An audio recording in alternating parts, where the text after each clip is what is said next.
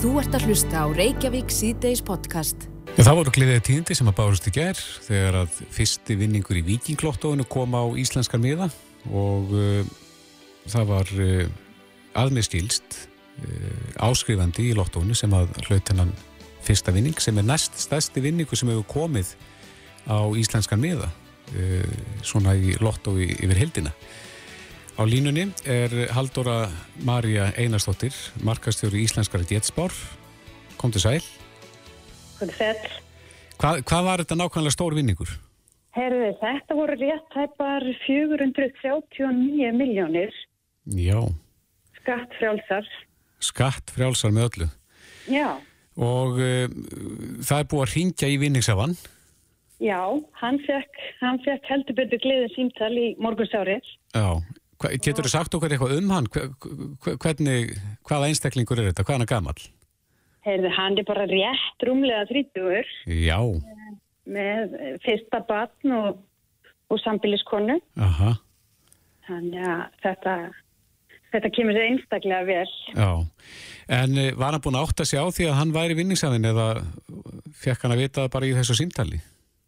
Herðu, hann fekk bara að vita í símtalinu í morgun. Hann hafði þess að séð uh, á netin í gerskvöldi að fyrsti vinningurinn hefði komið til landsins Mm og hann sá að um var ræða áskrifanda og, og fyrsta sem hann hugsaði með sig var bara já, ég á möguleika á þessu, ég er áskrifandi. Já, hann hefur ekki tekkað á tölunum. Nei, hann ákvaði viljandi að, að gera það ekki af því að hann sagði hvernig alltaf sé að fá svona stímtal þar sem að mann er tilkynnt um svona stóran vinning. Þannig að hann hugsaði bara með sig, reynda var hann að leiðin á jólatónleika líka Aha. í gerðkvöldi þannig að hann ákvaði að ég ætla að býða og sjá hvort það verður hýtt í mig í fyrramáli. Já, akkurat. En, svo eh, já, og hvernig ringdi þú í hann? Nei, það var endar ekki ég sem ringdi í hann, það var annar starfsmæður hérna hjá okkur sem ringdi. Já, ekki, er það ekki þannig, því þýttir náttúrulega að hafa það þannig að, að vera bara með hann að hátalara vinnisana þegar þið ringið svona, seti bara allir hring og hlustið? Það ætti eiginlega að vera þannig því að þetta, þú finnir ekki skemmtilegri símtölu að taka Nei, akkurat. og hvað þá að fá. En hvernig var það nú við? Hann var ótrúlega rólegur, hann var á ferðinni þegar, þegar hann fjætt símtalið og, og var ekki langt frá lögadalunum þannig að hann eiginlega tók bara uppauð á næstu ljósum og kom til okkar og þar að hittu við hann, ég og, og, og gælkerinn Já, og hérna fórum yfir svona ímismál með honum og hann bara, þú veist, ef þú getur einhver tíma séð fólk brosa með grímu og þá var hægt að sjá þennan vinningsafa brosandi. hann hefur brosað með öllu andlitinu. Já, það var sko alveg þannig. Já, já. En e, sagði hann eitthvað hvað hann ætlaði að gera? Var, var eitthvað svona, var hann búin að rástafa þessu eitthvað í huganum? Sko, já, já, hann var nú svona kannski ekki alveg komið svo langt en hann ætlaði allavega að byrja á því að þykja fjármála ráðgjöf og, og svo stendur þessi fjölskylda akkurat á þannig tímapunkti að, að, að þeim vantar húsnæði Já, þannig að það, það var eitthvað sem að hann sagði að myndi klárlega að fara í forgang. já, það verður ekki vandamál núna. Það er kannski hann getur aðeins breyka leitina í, í, Já, í sem er á, til sölu á fastegna síðanum. Já, en hann hefur ekki fengið þegar hann fekk símtalið. Maður myndi vantalega bara sjálfur halda að þetta væri eitthvað grín, að eitthvað væri að grínast í manni. Það er mjög algengt að fólk heldur að, að þetta sé grín og sé ekki að trúa þessu fyrir að það er búið að koma en hann var einhvern veginn bara svona mögulega búin að átta sig á því í gæra. Hann, hann ætti möguleika eins og aðra áskrifendur og, og hann ætti miða og, Mhm. og, og hann var veginn bara alveg að kaupa þetta. En sagði hann eitthvað um tölurnar? Eru þetta bara tölur valdara handahófi eða eitthvað ákveðna sérstakar tölur? Nei, þetta voru ekki neinar sérstakar tölur. En, en það var svolítið, hérna, hann var svolítið sagt að, að fyrsta sem hann gerði eftir að, eftir að hann fekk stímfæli frá okkur, það var að ringi í mömmu sína. Já, já, Þannig að mamma var fyrst í að, að fá stímfæli með gleðufréttina. já, akkurat. Einmitt. Já, hann hugsa vantalega vel um mömmu sína. Já, alveg klárlega. Já. En uh, þetta er næstasti vinningu sem hefur komið á íslenska miða, var þetta rétt hjá mér áðan? Jú, jú, svo stæðist kom í sumar. Já. Hinga til. Já, og, og fréttinnar af þeim vinningi íttu svolítið við þessum vinningsafið það ekki? Jú, hann, hann sagði, sagði með það í morgun að hann hefði sett tölur í áskrift eftir að sá stóri komið sömar. Já, já. Þannig að svo áskrift hefur aldrei verið fljóta borga þig. Já, einmitt. Já, þetta er gaman að þessu og vantarlega stærsta jólagjöfin sem að þessi aðeili fær núna þetta árið. Já, alveg, alveg tímanlöst og hann sagði mitt við okkur hérna í morgun að það væri nú eiginlega vest að hann væri búin að kaupa alla jólagjöfinnar sjálfur því annars að hann kannski geta kæft aðeins stærri en, en þetta var nú svona allt í léttu, léttu gríni hjá okkur. Já, hann getur kæft eitthvað að veglega gjöf fyrir sjálfa sig þá. Hann getur gert það. Og sett undir tréð. Já, akkurat. Og fyrir konuna náttúrulega. Já, já. Herðu, þetta er bara uh, gaman að heyra svona fréttir á þessum já. tíma. Haldóra Marja Einarstóttir, markastjóri í Íslenskrar Getsbá. Kæra þakki fyrir þetta og gleðileg jól. Gleðileg jól, takk. Bless, bless. Bless. Þú ert að hlusta á Reykjavík C-Days podcast. Það er að stöðun í faraldrinum en uh, þetta voru ykkur af vestu tölu sem að sérst hafa uh, í dag yfir þá sem að greindust í gær en alls greindust 443 innanlands með COVID-19 í gær og 51 á landamærum. Heldafjöldi smita var því 494 og af þeim 494 eh, voru 300 ekki í sótkví við greiningu.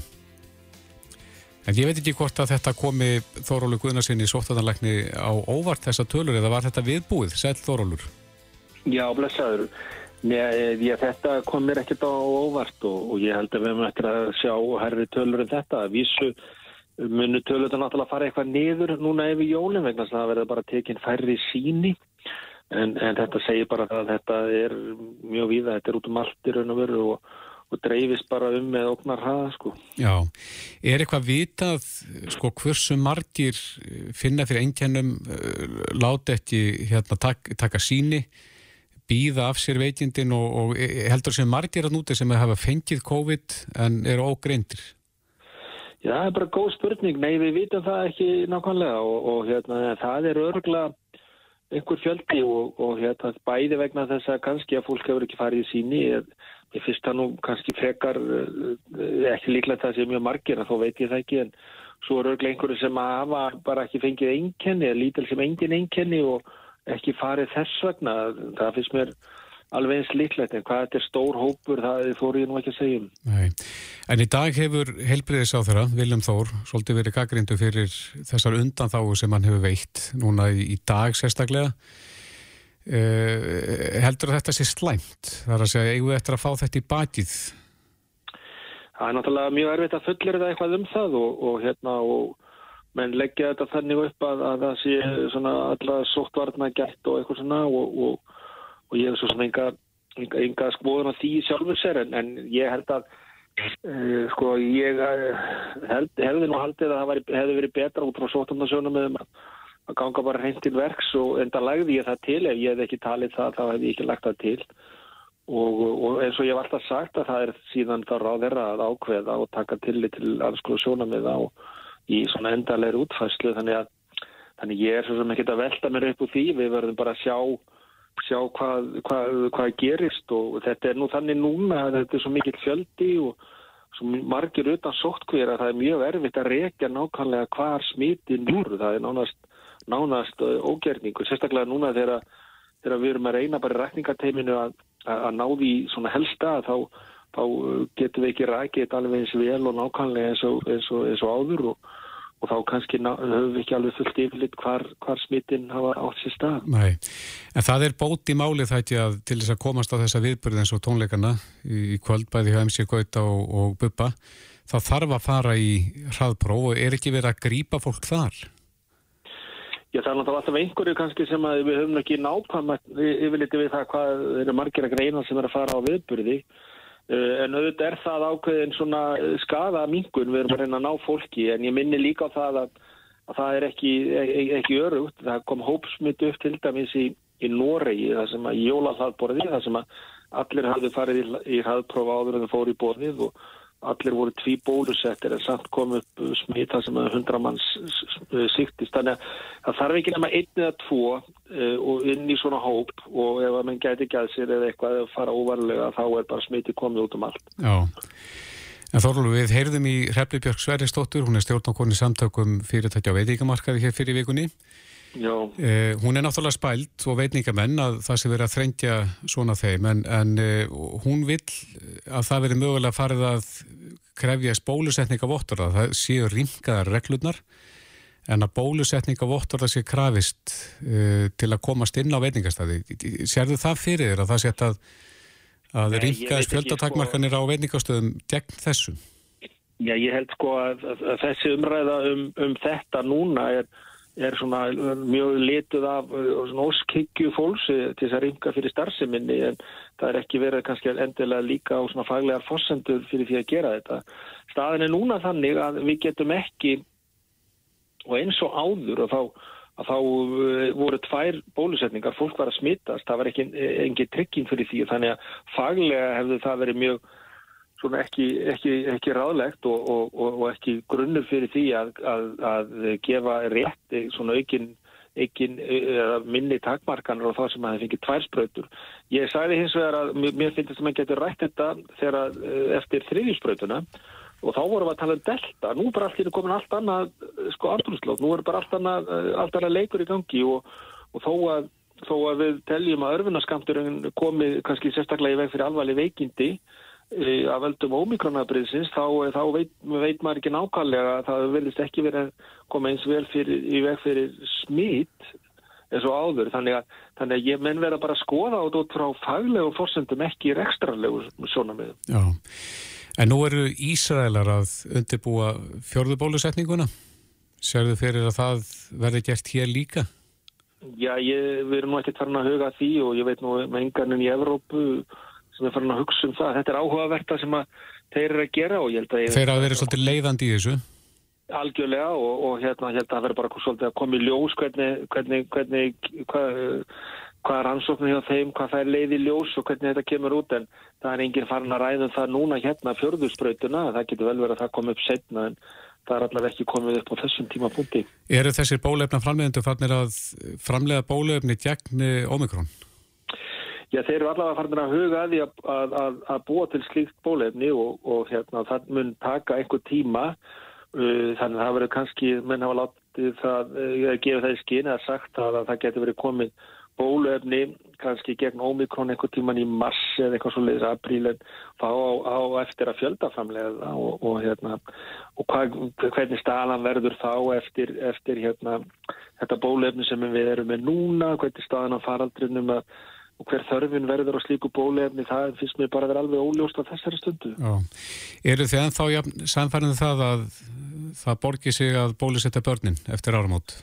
Já, ég er alveg samfærið um það áfram og, og hérna enda serðu það að það eru fleiri sem hafa bæst í hópin, finnar hafa bæst í hópin, normin eru að hugsa máli, danir að fullu að bólusetta krakkana, bandarækja menn, kanadamenn og það er mennir bara bætast í hópin og ástæðin er svo að það er bara er alltaf að koma betur og betur í ljós að þessi bólefni virka mjög vel hjá, hjá börnum og virðast virka betur hjá börnum heldur um fullorðnum þar að setja tverskantar og svo aukaverkanar eru bara mjög, eh, mjög litlar hjá til og með börnum og við erum að fá upplýsingar það núna frá bandaríkunum uh, að þeir fara um 7 miljónum bólusetninga að, eh, að það eru kannski 1-2 af miljón sem hafa fengið þessar slokkullu hjartavöðabólgu og flestir fá bara þessar vennjulegu aukaverkari hita, beinverki og eitthvað svolítið eftir bólusetningar sem við sjáum við allar bólusetningar. Þannig að, þannig að það er engin, engin merkjum annað þetta sé bara mjög örug bólusetning.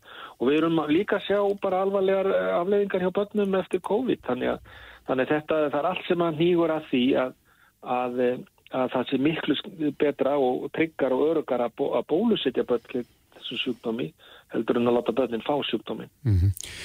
Jólinn framöndan, þólasmæs í dag, hvað gerir sóttvandalæknir á jólum? Ertu, verður bara kafið vinnu? Ég veit það ekki, það fer bara eftir hvernig þetta verður. Ég vona að ég getur nú allavega glemt mér um stund í, í, í, í jólahaldinu en, en, en ég verður kannski ekki til mikið gags í því. Nei, já, já. Eh, Þóralu Gunnarsson, sóttadalæknir, við segjum bara gleðileg jól og kæra, Já, kæra þætti fyrir spjallið. Já, takk fyrir og gleðileg jólið. Þetta er Reykjavík C-Days podcast. Reykjavík síðdeis, í dag er 23. desember sem að þýðir að það er Þorláksmessa í dag og uh, einhverjir hafa rekist á uh, skötu ilmin eða lyktina eða fílun eða hvernig sem menn vilja tólka það en, en okkur leikur forveitna á að vita sko, hver er sagan á bakvið Þorláksmessuna og uh, þennan sið að geta kæsta skötu. Á línunni er Símón Jón Jóhansson, þjóðfræðingur, kom til sæl. Kom til sæl. Já, þessi siður, ef við byrjum á honum að borða kæsta skötu á þessum degi, sko, byrjar þetta? Þetta er nú frekar gammalt siður að, að borða sko fiskmeti á þessum degi Já, og uh, þetta er náttúrulega síðasti dagur sko jólaföstunnar og á henni mátti ekki borða kjöt. Mhm. Þannig menn borðuðu gætnan eitthvað annað eins og, og fiskmeti til dæmis. mátti borða allt annað. Já, já, flest annað sko. Já. Og hérna, svo er það nú fyrst og fremst á þeim svæðum þar sem að skata sem sagt veiðist sem að menn fara að borða hann á þessum degi. Já, já. En aðeins að þessari föstu, hvað stóð hún lengi? Sko hún er, hún er sem sagt, uh, mann er ekki nákvæmlega hvernig í byrjun desember hún byrja sko en, en hún er sem sagt síðustu vikurna fyrir jól. Já, þetta er svona aðvenda kannski. Og, já, aðvendan, þetta er oppin af, af sko, af desember sem er, er þessi fasta sko. Já. Og þá voru menn að, að aðeins að svelta sig fyrir veisluna stóru. Já, já, nákvæmlega sko. En, en þetta að borða kæsta skötu og því kæstari því betri. Já, sko eins og segi, þe- þe- þetta er fyrst og næst er það þessi svæði sko eins og vestfyrðir, þar sem að skata veiðist og svo líka til dæmis út á hopnafyrði. Þar þarf að, að borða sagt, skötuna og, og kæsana og, og sagt, borðana á, á þessu degi.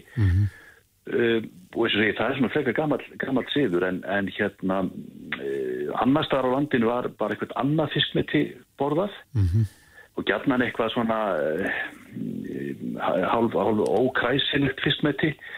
Menn var að borða til dæmis uh, hérna harðfisk sem var kallað meiringur. Já, sem að, hérna var þá sem sagt soðinn upp og borðaður.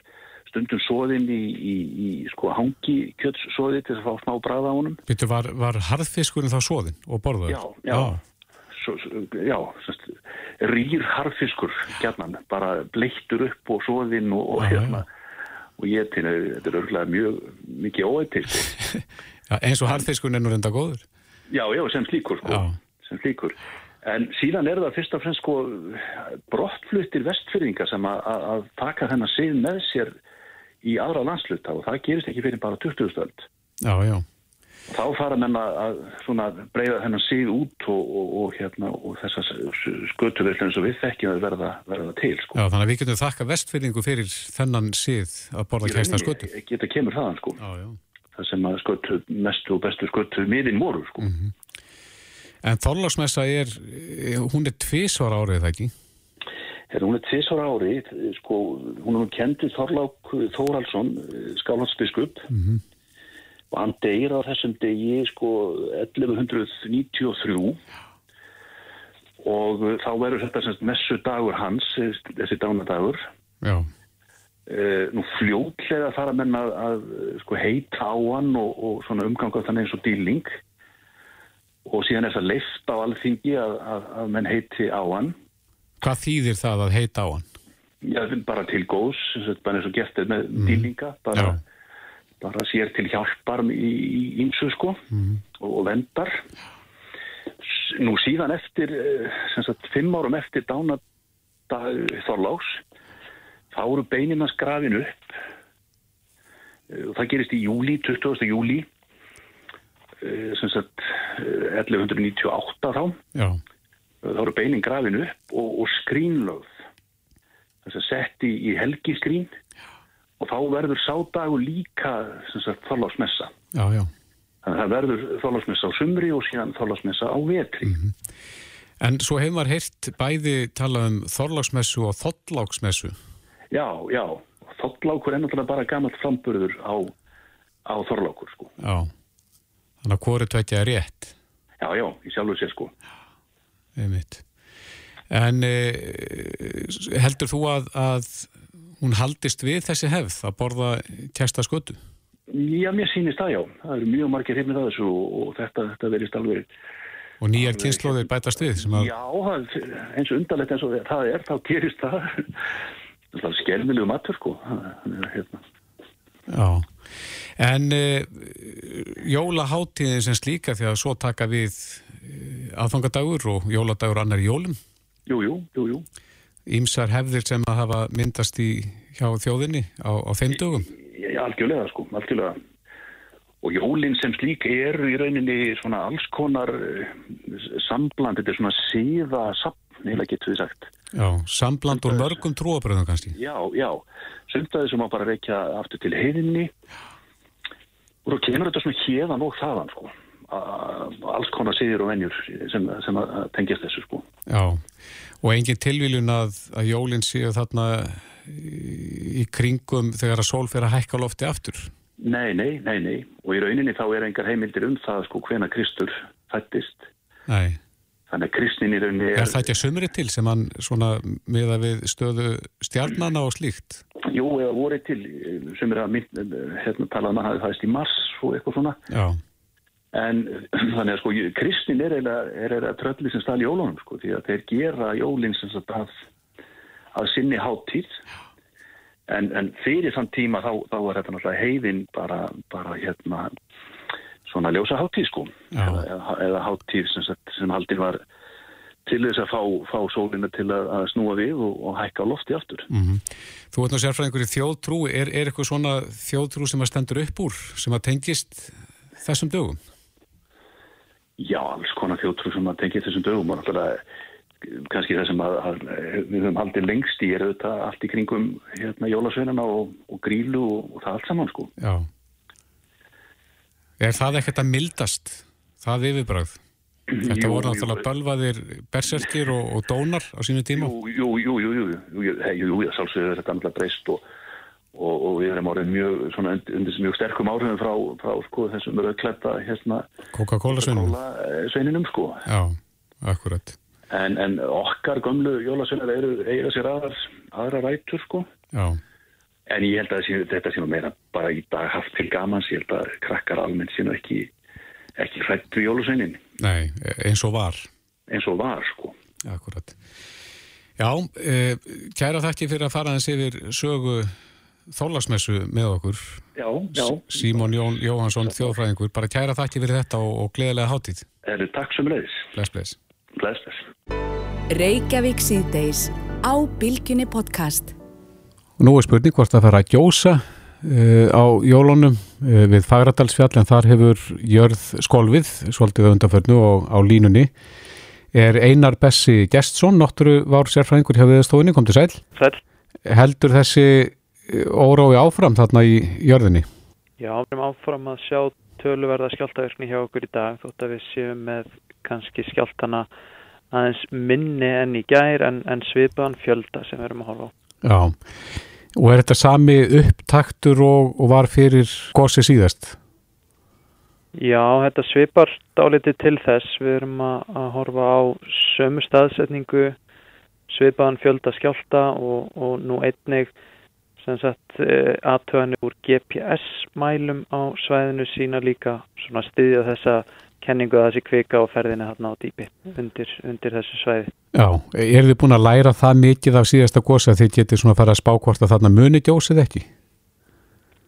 Já, það verður í rauninni mjög erfitt að segja til um það hvort að þessi kvika muni ná upp á yfir borðið eða hvort að hún eh, stoppi þarna á einhverju dýpi í skorpunni en þessi mikla skjáltavirkni og, og þennsleiki sem við erum að sjá núna eru vísbendingur um að hún gæti náð upp á yfir borðið en, en hvort að hún gerir það er ennþá mikil óvisa. Já, og þá er ekkert að segja hvenar, ekkert fyrir ekkert en hvort. Nei, það er eiginlega það. Já, og er þið með staðsetningu, nánari staðsetningu í huga, hvar gæti orðið gós? E, það er náttúrulega sko gígaröðin sem myndaðist í, við, við Geldingadali og, og svæðið nálagt henni er kannski líklegast í staðurinn af því að þar eru veikleikar í skopunni eftir að kvikan komst þar upp í, í gósinu fyrra árinu Mm -hmm. þannig að líklegast væri kannski að, að kvikan sem er núna á ferðinu myndi leita upp um, um svipaða rás eða á svipuðu svæði en það er gægt að útiloka að þetta verði einhverstaðar aðeins hlýðra við það en, en við erum að horfa á svipasvæði þar er skjáltavirknin þannig að í kringum Fardalsfjalli Já, og, og, og, og fjarrri byggð þá, Já, svona, já hún er, hún er þannig í kringum bara geldingadalina einmitt. Einar Bessi Gjesson, náttúru var sérfræðingur hjá viðstofunni. Kæra þakki fyrir þetta. Já, takk, takk Reykjavík síðdeis á Bilginni podcast. Já, þær eru ístíkilega tölunar sem að við fáum þennan morgunin af smitum eh, sem að greindust í gær. Eh, Það greindust alls 443 innanlands með COVID-19 í gær og 51 á landamærum. Heildarfjöldi smita var því 494 en 300 af 494 voru ekki sóttkví við greiningu. En á línunni er Steinun Bergs, hjúkunarfræðingur hjá smitrakningateimi Almannavarna. Kom til sæl. Já, sæl. Takk fyrir að taka á móti mér. Já, takk fyrir að gefa tími að tala við okkur. Við vitum að það er mikið að gera hjá okkur, en þetta hlýtur að flætja stöðun aðeins eða ekki þegar að smittölutna taka svona kip. Jú, á vissulega og erum búin að vera að gera það síðustu daga. En hérna, við erum að ringja allan þá og hérna erum að auka sjálfur sem kerfinu. Mm -hmm. Við erum núna að undirbúa spurningalista sem fólk verða sett við greiningu. Mm Það getur þá undirbúið símtalið Já. og hérna, Hva, hvað, viljið, hvað kemur fram í þessu símtali þe- þegar þið ringið í viðkomandi sem að hefur greinst? um, við spyrjum allan enginni. Við reykjum uh, daginn fyrir fyrstu enginni Mm -hmm. eða daginn áður en fólk var sína tökku ef það er enginn að laust. Og hérna, það þarf að hafa samband við þau fólk sem að það er á samskipti við og þau þarf að vera í sótkuð. Náinn samskipti Mm uh, undir 15 metra, allt heimilis fólk. Þú segir hvað náins samstifti innan... Já, þú veist, átt samskipti við vina eða fjölskyldu Já. og þá erum við að horfa á sko uh, 15 metra samskipti og innan 2 metra Já. eða svona ítrekku samskipti e, saman í matabóði, saman í kaffi. Mm vinna náðu saman, fundir skemmtanahald og annað Já. Sameili snertiflitir þar vantarlega. e, já líka það, eða svona ítrekku samskipti við erum meira að horfa það Já, en þú segir 15 mínútur og innan 20 metra, þetta eru tölur sem að maður heyrði bara strax í upphafi. já, Haf, hafa erum það er ekkert breyst? nei, við erum ennþá miða við þetta og hérna um, eins líka svona ítrekku samskipti ef þú búin að vinna sko við tölum um rakningatímabil mm Mhm. rakningatímabil er daginn að fara enginni eða daginn en fyrir sínatöku eða engina laus við teljum að hérna fólk getur verið smitandi þá sem gerist að persónulegilega að hérna út smitandi áður en að fara enginni og af því Mm um, á þessu rakningatímabili þarf að hafa samband við alla sem þú hefur hitt náið og eitt tíma með og þeir fyrir sótkví. Þeir þurfa að fyrir sótkví í fimm daga frá því að þið hittust síðast. Ef ég hitti þig og mínu rakningatímabil á mánudegi, -hmm. þá þú í sótkví í fimm daga frá mánudeginum. Líkur fimm daga sótkví með sínatöku, laus eða neikvæð niðurstaða. Já, þannig að, þannig að þetta er svona ferlið, en, en þegar þið ringið í fólk, þá eru þið vantarlega yfirleitt það ekki að tilkynna fólki að það sé komið í sótkví? Nei, við ringjum bara í tilfellin, við ringjum bara í þá sem hafa greins með COVID Já, og fáum aðstof þeirra við að tilkynna þeim sem þeirra sótkví. Byggjum þau um að hafa samband við þá sem þau hafa átt í nána samskiptum við. já, sendum svona sjálfvirkan hlekk á tilfelli sjálft mm og þá skráir uh, formlega þá sem þeirra sótkví. já er, er þetta breytt vinnu fyrir komulag hjá ykkur þar að segja að, að sá smitaði hann sér um að, að ringja í sína nánustu sem hann hefur verið í Það samskiptum við? Það breytist fyrir henni bara í haust. Já, Þá hættum við að ringi sótkvína, þá jógst álægið og við mættum því með því að hætta að ringi sótkvína og hérna þau fá bara í kjölfarið SMS frá okkur að þau komið sótkví og svo er alltaf með COVID.is spjalli sem hægt er að leita til. Og hérna þegar þau fá þetta SMS að þau komið sótkví þá þurfa þau að samþykja sótkvína Um, þau geta hafnaðin eru ósátt og fá þá síntal frá okkur. Um, en þessu, þessu mættum við bara í höst til þess að minka álægið. Uh, núna, með þessar smitulur, þau eru að mæta bara með í rauninni byttir í síntalum uh, sem er ótrúlega leðilegt að veita aðeins minni þjónustu en það er bara ótrúlega að fólk teku því vel og mm. þínur sér skilning og hérna sérstaklega aðdraðanda jólana sko en hérna þannig að við erum ótrúlega þakklátt fyrir það mm -hmm. en það sem við erum að mæta núna með það afgreifsli það er að við sendum út hlekk áðunum við ringjum um leið og það greiningu það farir SMS það er þetta því að þú sett jákvæð með COVID og fær svo í kjölfar um, hlekk inn á covid.is sem að undirbýði fyrir rækningatingtal. Það er farið yfir þessi viðmið, hvað er fyrir tímabill og, hérna, og geta svara spurningum sem er rauninni bara hraðar okkar símtal við vitum svörun á þessum syngjum. Mm -hmm. Við erum ennþá að reyna að syngja alla og bara afkvæmstinni er ótrúlega góð. Þannig að við höfum fulla trú að við náum því allavega í dag, svo bara þurfum að sjá hvað næstu dagar sína. Já, það hjálpa náttúrulega líka þetta að, að fleiri séu þá í sóttkví við greiningu? Það er þetta óska staðan okkar. Mingar það er... álægið af ykkur? Já, já, afgreifla símtalinu miklu saðari þeir sem er í sóttkví. Já. En við forgangsverðum símtalum af þeim sem greinast þetta sóttkvíjar. Það eru þeir sem vilja ná sem fyrst í. Einmitt. En uh, segðu mér aðeins af, af tækninni, þið er náttúrulega að reyna sjálfvirkni væða þetta eins mikið og hægtir mm -hmm. og og nú var verið að uppfæra rakningar appið. Já. Eh, er það farið að skila sér að einhverju leiti?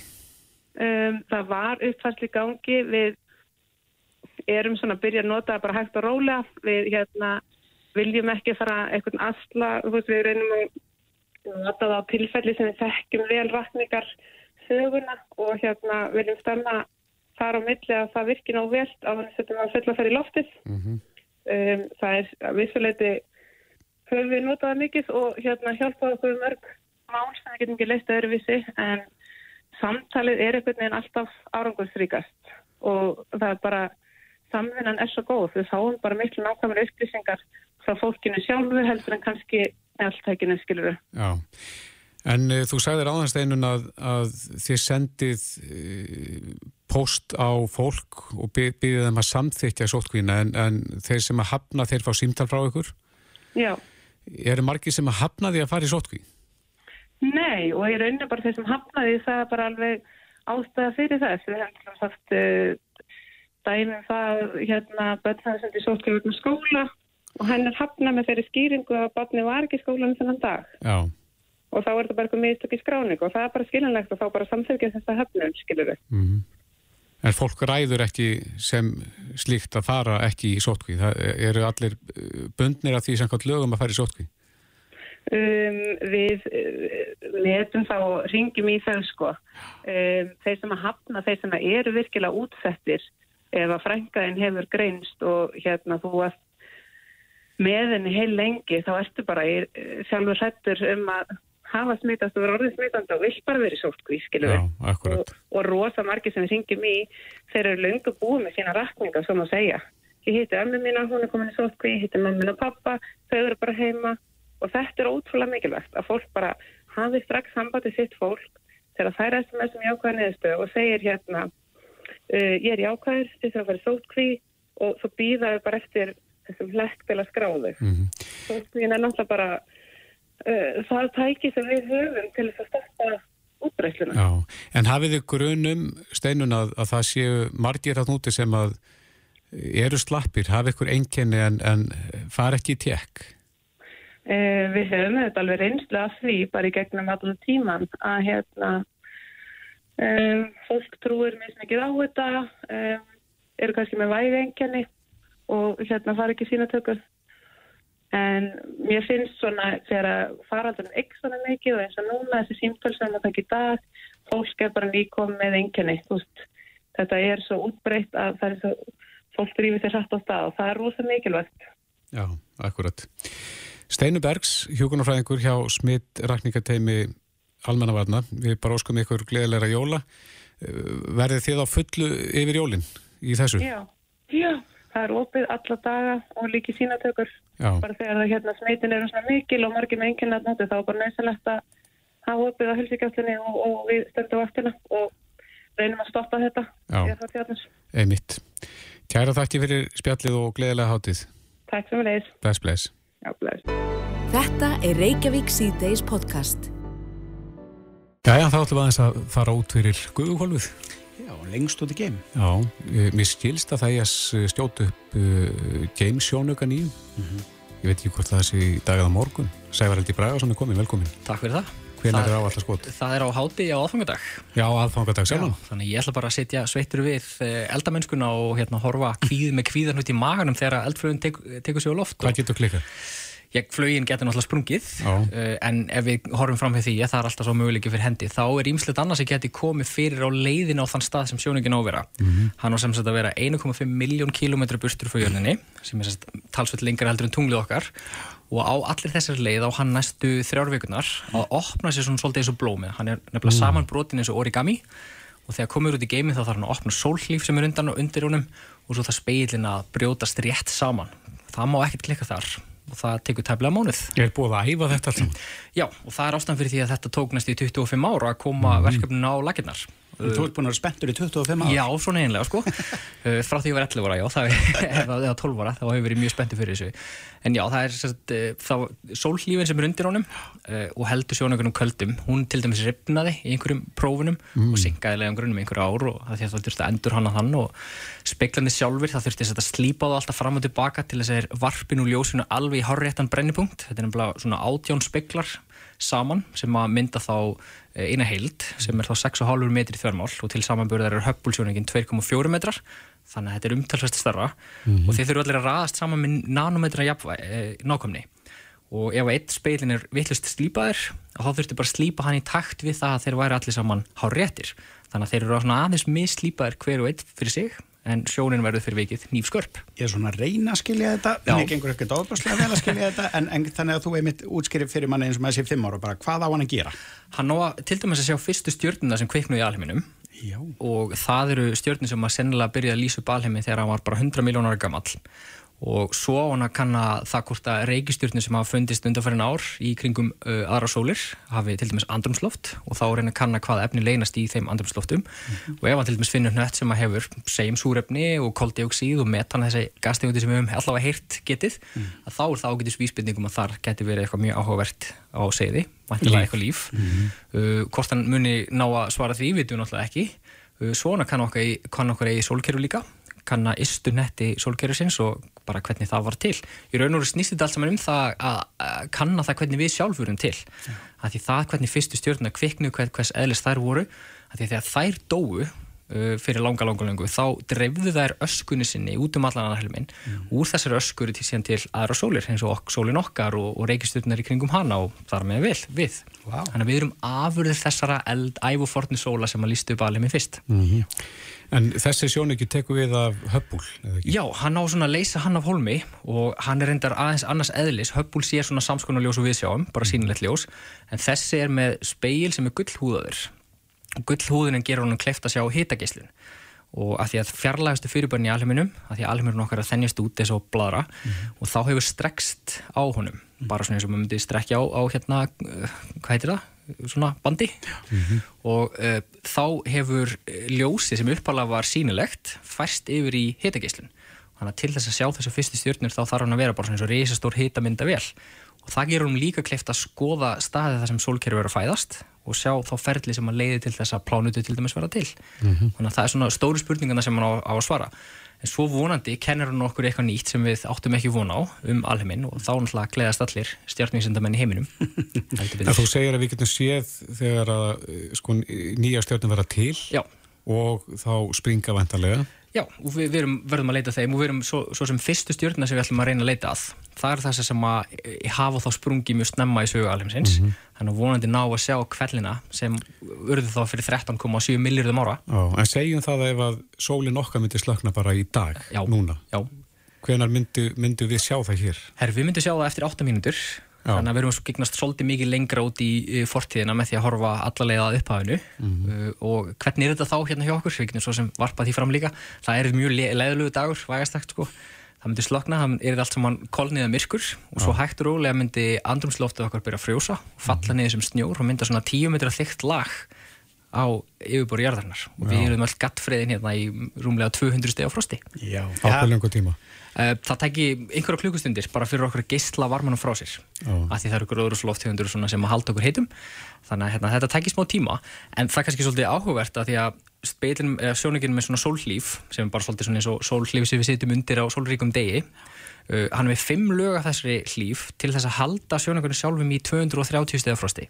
Og það er heitast því sem þarf til þess að hann geti gert þessar mælingar sem hann á að gera og hvað er 230 stig kalt? Það er fjári kalt, Eh, það er svona svipa kalt eins og Plútó þannig að sá hluti sjónangar sem stærir út í geiminn verður álíka kaldur og Plútó Mhm. þannig að hérna wow. með Ef- býðu ofænið sko Já, ég, ætla ekki að vera neikvæður en, en ef þetta gameskot klikkar Já. þurfum við þá að býða í önnur 25 ár Uh, já, alveg öruglega. Það er allavega engin svona sambarlegt trilltæki á teikniborðinu eins og sækir standa núna. Þannig að það er eiginlega svona framtíð næstu áratuga stjarnísinda er í húfi núna næstu vikunar. Já.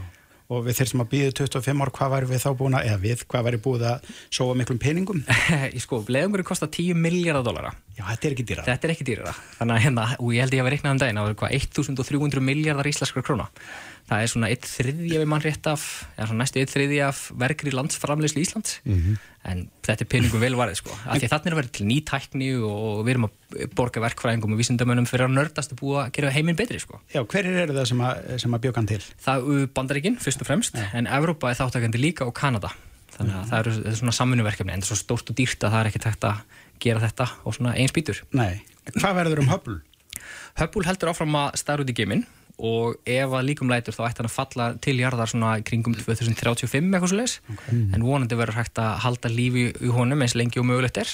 Hvað heitir nýji? Hann heitir James Webb geimsurningin og James Webb var forstuðum að NASA uh, árin 61 til 68 eða á þeim tíma þegar Apollo áallunin var sem hæst. Þannig að hann hratt henni stað og svona ítt henni áfram og tók við af sagt, þurfti að svara pólitíkusum sem voru gaggrinir á þetta fjáraustur sem var sett í tungferðnar til samanbyrðu þá myndu það til dæmis kosta um, í dag svona kannski 150 miljardar dólara á þessum tíu árum. Og ef við setjum þetta í eitthvað annað samingi, því að fólki finnst þetta svolítið dýrt, að þá núna bara um daginn var bandarækið þinga samþykja það að verja 768 miljardum bandarækjadala sjöfaldri næstu því þeirri fjárhæð sem var í tunglállunina og þá 700 faldri þeirri sem sjóningin kostaði í varnamál í bara einu ári. Þannig að 25 ár, 10 miljardar það er kannski ekki svo mikið á, hérna, á þessum tíma sko. Já. Hversu stressaður heldur að, menn séu núna? að því bara ég sjálfur er stressaður og ég á sjálfur sér ekkert tilbaka við þetta, ekki nefnum bara þekki fólk sem vinnur við leðangurinn, þá get ég rétt ímyndum mér að þau séu freka tauga og styrk að því það er bara svolítið mikið undir og það er fullt af bara þekkingu sem við erum að vonast eftir að hans skil okkur. Og auðvitað bara fallegu myndum af þessum stórkurslega stað sem alimurinn okkar er. Já.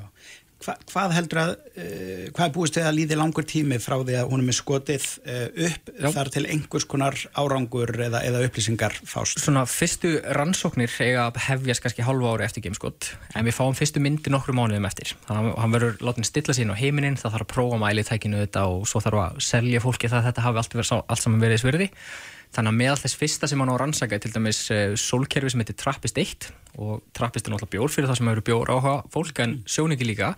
Og þetta uh, sólkerfi hefur sjö reikistjórnur þar af þrjár sem að gætu mögulega verið lífanlegar fannst fyrir nokkrum árum. Þannig að hann á að beina sjónur sínum að þessum plánundum sem eru bergreikistjórnur og þefa eða sniffa á loftjúpin og leita að andrumsloftum og hvað leynist þar Wow. Rétt kannski aðeins í lokin, er hann með árekstra vara? Uh, hann er ekki með árækstrafara annað en þennan sól, hérna, sólhlífin undir sko. af því að í geiminum er fullt af svona geimörðum og þetta þær sjáum við bara sem stjörnurhaup þegar þau falla hjá okkur Já. þannig að hlífin á að verja hann fyrir svona litlum uh, steinum og, og, og hérna, kornum í geiminum sem geta skadað hann öðru liti Já, já. Og það er ekkert að fara að gera við hann sko. þannig að það er eins gott Nei. allt saman virki sem skildi. Heldur betur. Yes. Það er frábært að tala við þau um þessi mál því að þú, þú verður svo spenntur og þú ert svo auðvelt með að láta mann sko að hafa áhuga á að hlusta á, á þetta. Já, ég vona það sko, ég held líka reyndar að það blundi þessi áhuga í flest öllum sko, mm. það vilja svolítið allir, fúst, allir hafa gaman að falla um myndum held ég allavega mm. og þessi fyrirbæri eru svo stór og þau eru svo skrítin mörgver og bara heillandi mm. að sá sem heillast ekki, það vandar eitthvað svona, einhver ástrið í hjarta á, á viðkomandi. Þetta er ótrúlega fallett og áhugavert og bara hvar við stöndum okkur best. Já. það er að vinna svona saman á stórum ævintýrum eins og þetta. Já, aðfangadagur Aðfangadagur, já, besta jólugjöfi heimi. Klukkan hvað? uh, ég held að þessi rétt fyrir klukkan eitt. Það verður bein útsending á netinu þannig að fólk getur farið í glina bara VF NASA og mm -hmm. sko, skoða það þar. Já, Sævar Helgi Bragarsson, takk fyrir þetta og gleðileg jól. Takk sem leiðis, gleðileg jól. Hlustaðu hvena sem er á Reykjavík C-Days podcast Við heyrðum í gær í formanni bandarsamtakana mm -hmm. um hótelsögu, það er búið að selja hótelsögu. Þetta, er tímamóta sala. Heldur betur. En hann var ekki alveg með þá hreinu hvað stúdendar og ríkið ætla sér með hótel, þetta glæsilega hótel. Mm -hmm. En uh, við erum jafnvel með mannestjá línunum sem að veit það. Ég held hún veitið, það er hún Guðrún uh, Björnsdóttir sem framkvæmdastjóri félagsstofnunar stúdenda. Sæl og blessu, erum við ekki að hitta á þig á Tenerife? Akkurat, hér er ég í sólinni og hefði afskaplega hugulegt. Já, leikt að draga þig inn úr sólinni en, en getur að svara bara nokkur spurningum hjá okkur. Já, sjálfsagt. Við erum að velta fyrir okkur, hvað ætli þið að gera við hótelsögu? Já, sko það er þannig að, að ríki kaupir þetta og félagstofnum stúdenda og það er svona réttæflega 30% sem að fellur okkar megin mm -hmm. og það eru afmarkaðar hæðir í norður hlutahúsins Er það stúdentagarðar fyrirhugaður? Já, já, stúdenda við ætlum að breyta 113 herbyggjum í 113 stúdíu íbúðir fyrir stúdenda. Já, eru það svítunar? Nei, það eru reyndar ekki svítunar, en þetta eru mjög góð herbyggi samt. Það er mm. alveg ljóst að það hefur farið vel um gæst í hótelsins hérna á þessum herbyggjum. Það eru bara mjög rúm og fín Já. og við höfum verið að höftunum eftir að geta bætt við stúdíu, litlum stúdíueiningum og þarna fengum við bara tækifæri inn á miðju háskólasvæðinu mm -hmm. og háskólinn allar síðan er auðvitað með plönum um sinn hlutahúsin sem að ég nú kannski ekki alveg besta manneskan til að svara en það er alveg ljóst að við munum bara fylla í saminningu þetta hús sem það lífi Já, mm -hmm. við vorum að grínast með það hérna áðan þetta erðu stúdentagarðar með roomservice Nei, nei, það verður líklega ekki rúmservis, sko það er aldrei að vita hvað okkur þetta er í hug, en það verður alveg öruglega þjónusta í húsinu. Við erum nú með mjög umfangsmögla veitingasölu á háskólasvæðinu, vonandi fáum við inn í húsinu og getum þjónusta þannig, mm -hmm. en nei, ég hugsa að það verður ekki sendt upp á herbyggi. Sko, góð hugmynd verður náttúrulega að þeir sem að væru sko með bestu enguninnar fengið með herbyggi þarna með, með tilherrandi þjónustu. Já, það er hugmynd. Já, sko, það er, þú veist, einhæðin okkar er sjönda hæðin sem er náttúrulega bara náttúrulega alveg stórkostlegt að það verður svona raðað inn í herbygginu. Eftir einhvernum. Eftir einhvernum, ég, ég, sko, ég ætla að taka þetta með mér og hugsa þetta. Já, hvað segir þú Sigur minn, ertu í kjallaranum? Já, skýtfjall. Já, þetta er góð hugmynd. Nei, þetta er fín hugmynd sko, auðvitað verður þetta alveg stórkoslegt að, að ná herbygginu og efstöðað eins og víða á stúdendagörðunum okkar þar sem að herbyggi eru svona og þú horfið bara einhvern veginn yfir allar Reykjavík sko. við vorum, já, við vorum að ræða þetta við Gunnar áðan uh, þessa sögu, það er svo mikil saga þarna í þessu húsi. Margi sem hefa góðar minningar og þarna náttúrulega var Súlinasalurinn og Mímisbar og, og grillið, hvað verður um, um þessi svæði? Sko þetta eru svæði sem eru sérri með háskólan uh, þannig að ég Ég, ég, segi, ég er kannski bara ekki rétt að manneska til þess að svara því að, því að ég held að það er hugmyndi séu bara ennþá í mótun hjá háskólanum. Mm -hmm. uh, þannig að ég, ég veit bara ekki alveg hvað hva, hva verður hérna, með þessi svæði. Mm -hmm. En þú veist, öllum líkindum þá breytist þetta. Þetta verður ekki haft í óbreyttir mynd. En hvað verður, ég bara veit það ekki. Nei.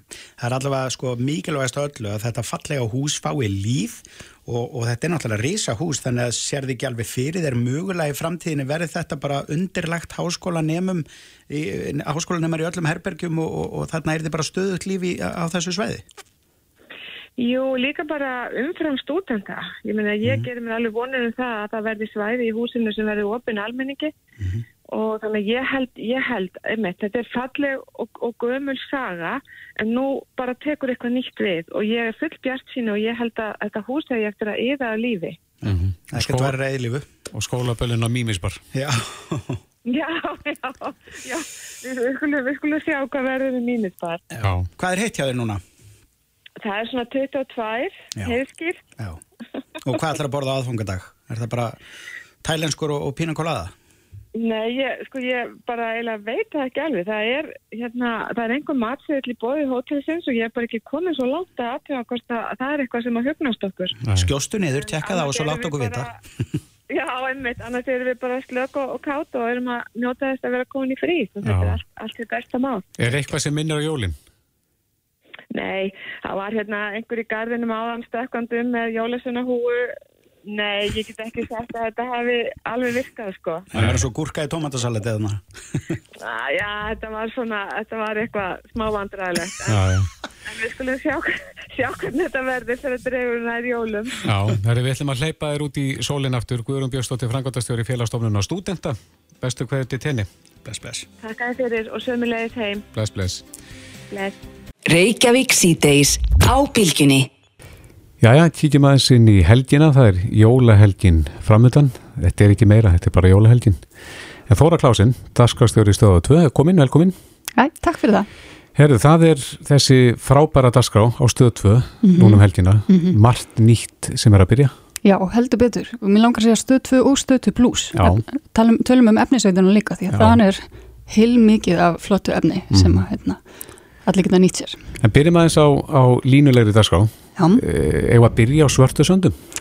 Byrjum á svörtusundum. Það er náttúrulega sko, fyrir mér er þetta það sem aðvendan er búin að snúast um. Já. Það er ekki að býða til jólunum, það er að býða til svörtusundum. Því að fyrsti þáttur á svörtusundum fyrir lofti núna á jóladag og svo annar þáttur á annan jólum. Þannig að það er veisla framöndan um helgina. Já. Fyrir þá sem að fíla ekta íslenska spennu. Mm Þetta er, og þetta er náttúrulega bara geggjað þættir sem eru hérna, skrifaðar af Aldísi Hamilton og, og hérna, Ragnar Jónssoni og, og Baldvin Seta og Baldvin Seta leikstyrir. Aldís leikur líka hérna, aðaluturki en hún leikur uh, lauruglokkarna Anitu sem sn- snýr aftur á æskuslóðunar í, í bæin sem, sem að kallast uh, Glerársandur Sem er búin til eða ekki? sem er búin til en, en ég held að glöggir Íslandika sjá nú alveg hvar þetta er tekið upp svona mestu Já. en, en þess, serían hefur náttúrulega selst erlendis líka þannig að það er hérna það verður gaman að sjá hvað hérna bara, já, fólki finnst erlendis líka um, um okkar fallegu náttúru Einmitt. en hérna ég Og auðlýsingastiklan lofar, lofar góðu. Já, heldur betur. Hún er geggjuð og gefur svona bara góða vísbendingum um hvað koma skal Já. og hérna þetta er náttúrulega bara spennu þáttaröð en líka svona fjölskyldu tragedía sem, að- sem að þetta fjallar um Mhm. og ég lofa spennu fram á síðustu mínútu Já. það er bara um að gera að horfa, Þetta eru, er þetta ekki sex þættir? þeir eru átta Þeir eru átta? Já. Já, og eins og ég segi, byrjum á tveimur núna um helgina og Já. svo verður einn á hverjum sunnudegi eftir það já, já frábært. Og samhleið inn á stötu pluss og ég tekki það fram Já, en þeir kom ekki allir þar inn í einu? Nei, ein, þessast, bara þeir koma alveg samlega línulegu síningunum Já. þannig að einn á lögadag, einn á sunda og svo alla Mhm. sunda Já, eitthvað meira? Já, sko, tölum um kvöldi í kvöld það Já. er þólásmessa og nú bara ætlum við að slá tónum fyrir jólin Mhm. því að við erum að hefja nýja þáttröðu sem kallast Þetta, þetta reddast sem að hún Dóra Júlia Agnarsdóttir leiðir fyrir okkur hún er Einmitt. líka þekkt sem DJ Dóra Júlia og hún er náttúrulega bara alveg frábær og, og svakalega litriku karakter. Og hún er að fá til sín hann að góða gesti og ætlar að elda eitthvað með þeim og sko Hún er ekki þekktu kokk? Nei, hún er það alls ekki og, og ekki gestinir hennar heldur þannig að þetta verður svolítið skröðlega neðist Já, og við ætlum að byrja hérna fyrsta þáttan í kvöld og það eru Patti, Binni og Bassi úr æði þáttunum sem ætla að hérna búa til eitthvað já, svona eftirrétt sem að hérna, já, dæmi hver fyrir sig þetta verður góð veisla. Þetta verður góð veisla, já. Og bara beint í framhaldi af því þá verða hérna jólatónleikar hjá okkur. Þeir kallast verður með okkur um jólin Mhm. og það er Eva Laufey og Sóli Holm sem ætla að stýra þessum, þessari glæsulegu tónleikaveislu og við verðum með alveg þvílitt landslið af, af hérna söngurum og, og hérna, það er hérna Daví Sigurgesson og 30 manna gospelkór Jóns Vítalín sem að hérna, verða sem að verða ja, burðarbitin í þættinum.